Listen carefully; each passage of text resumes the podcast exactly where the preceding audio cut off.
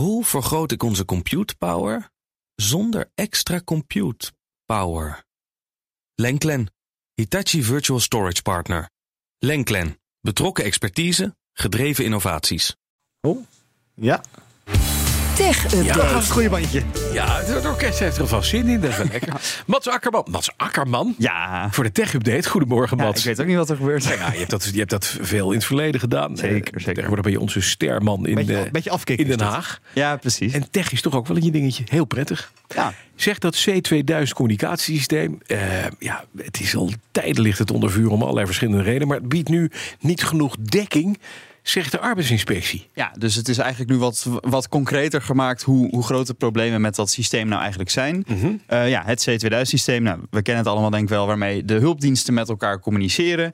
De arbeidsinspectie die zegt daar nu van, eh, ja, het heeft onvoldoende dekking en daarmee zou het een risico zijn voor de mensen die ermee moeten werken en ook voor burgers. Nou, ik kan me best voorstellen dat als jij als agent ergens een inval doet bij een of andere gevaarlijke drugsbaron en je krijgt opeens geen contact meer met je collega's, dat dat niet een hele prettige werksituatie is als je opeens geen contact meer hebt. u over 10 minuten terugbellen? Ja, precies. Dus de arbeidsinspectie zegt dat moet beter. Eh, zes maanden de tijd krijgt de politie om het systeem te verbeteren. En de arbeidsinspectie deed ook echt concreet onderzoek naar C2000. Hoe het nou zit met die dekking. Want er waren klachten van politievakbond ACP. Die zeiden, die waarschuwen eigenlijk al jaren dat er serieuze is, problemen ja, dat met is het een systeem zijn. ding. Precies. Ja, Ja. precies. Het is allemaal gedateerd en het werkt niet goed meer. Nou, de arbeidsinspectie die heeft nu concrete cijfers. Die zeggen in de buitenlucht zouden er 107 probleemgebieden zijn. Eh, en binnen in gebouwen zou het systeem sowieso ja, in principe eh, niet of nauwelijks bereik hebben. Dus zodra je eenmaal binnen bent, dan heb je er sowieso niet zo heel veel aan. En de to- totale dekking van het systeem zou daarmee neerkomen op 97% En ja, je wil natuurlijk liever dat dat, eh, dat, dat 100 Nou, zeker. is. En naast dat er niet overal dekking is, zou het systeem ook snel overbelast raken op het moment dat er te veel mensen tegelijk het systeem zouden gebruiken. Oftewel, wanneer de eterdiscipline, zoals ze dat dan noemen, eh, niet op orde zou Oh ja. zijn. Ja, een term die wij normale burgers waarschijnlijk alleen maar kennen van, eh, van Ellie Lust in Wie is de Mol. Maar dat is dus ook echt een serieus probleem. Ja. Dat te veel agenten tegelijk op die knop drukken en dat het systeem dan overbelast en dan ook niet meer goed werkt. Nee, de politie zelf is het er niet mee eens. Nee, die zeggen, hè, ze zijn voor, de, voor de veiligheid zijn we niet volledig afhankelijk van dat C2000. En met die 97% voldoen we in principe aan de eisen. 100% dekking, dat is, ja, dat is een mooie strepen, maar dat is een utopie. Dat gaan we gewoon nooit halen, dat is onmogelijk. En ze werken met verschillende backup opties voor dat systeem. Ook een systeem dat je op je telefoon kan zetten volgens mij. Eh, maar de ar- arbeidsinspectie is ook wel weer kritisch op die backup systemen. Dus die zeggen, nou, je krijgt nu zes maanden om het eh, te verbeteren, op orde te brengen. Eh, koop zendmasten bij, ga, ga, ga die erbij bouwen en eh, zorg dat het systeem goed gaat werken. Ja, en hebben we nog steeds C2000.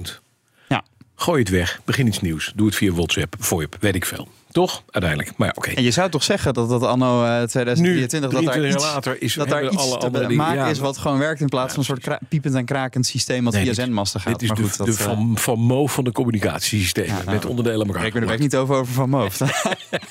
Klacht over Ryanair voor de inzet van een gezichtscan. Vertel.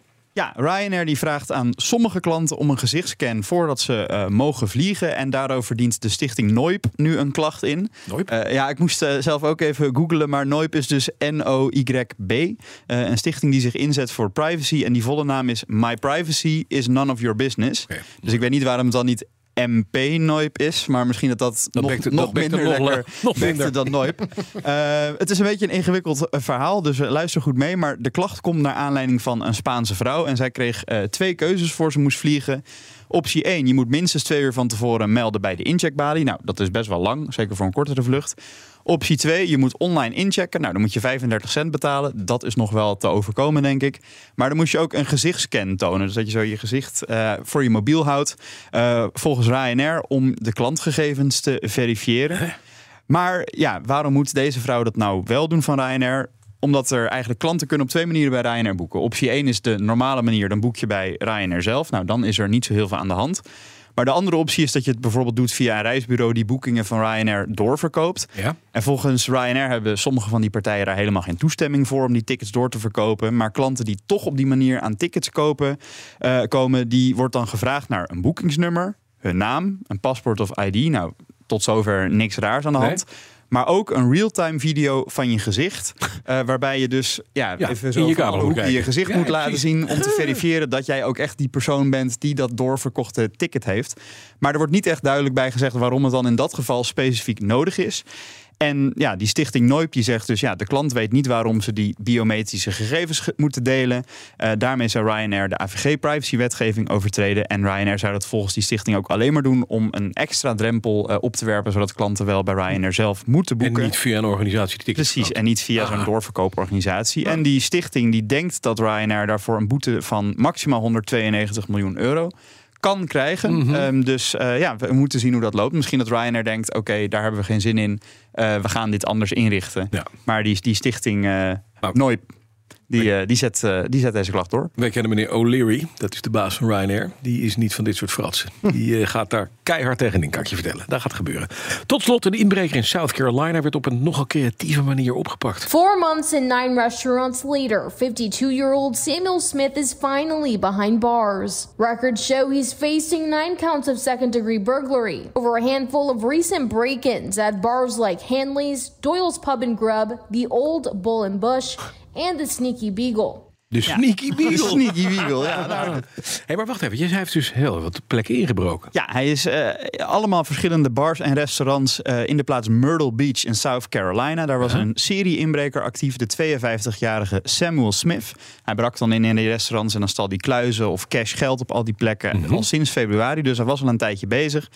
En in die tijd eh, brak hij ook een paar keer in bij de hondenvriendelijke bar de Sneaky Beagle. Dus een bar waar je met je hond kon komen.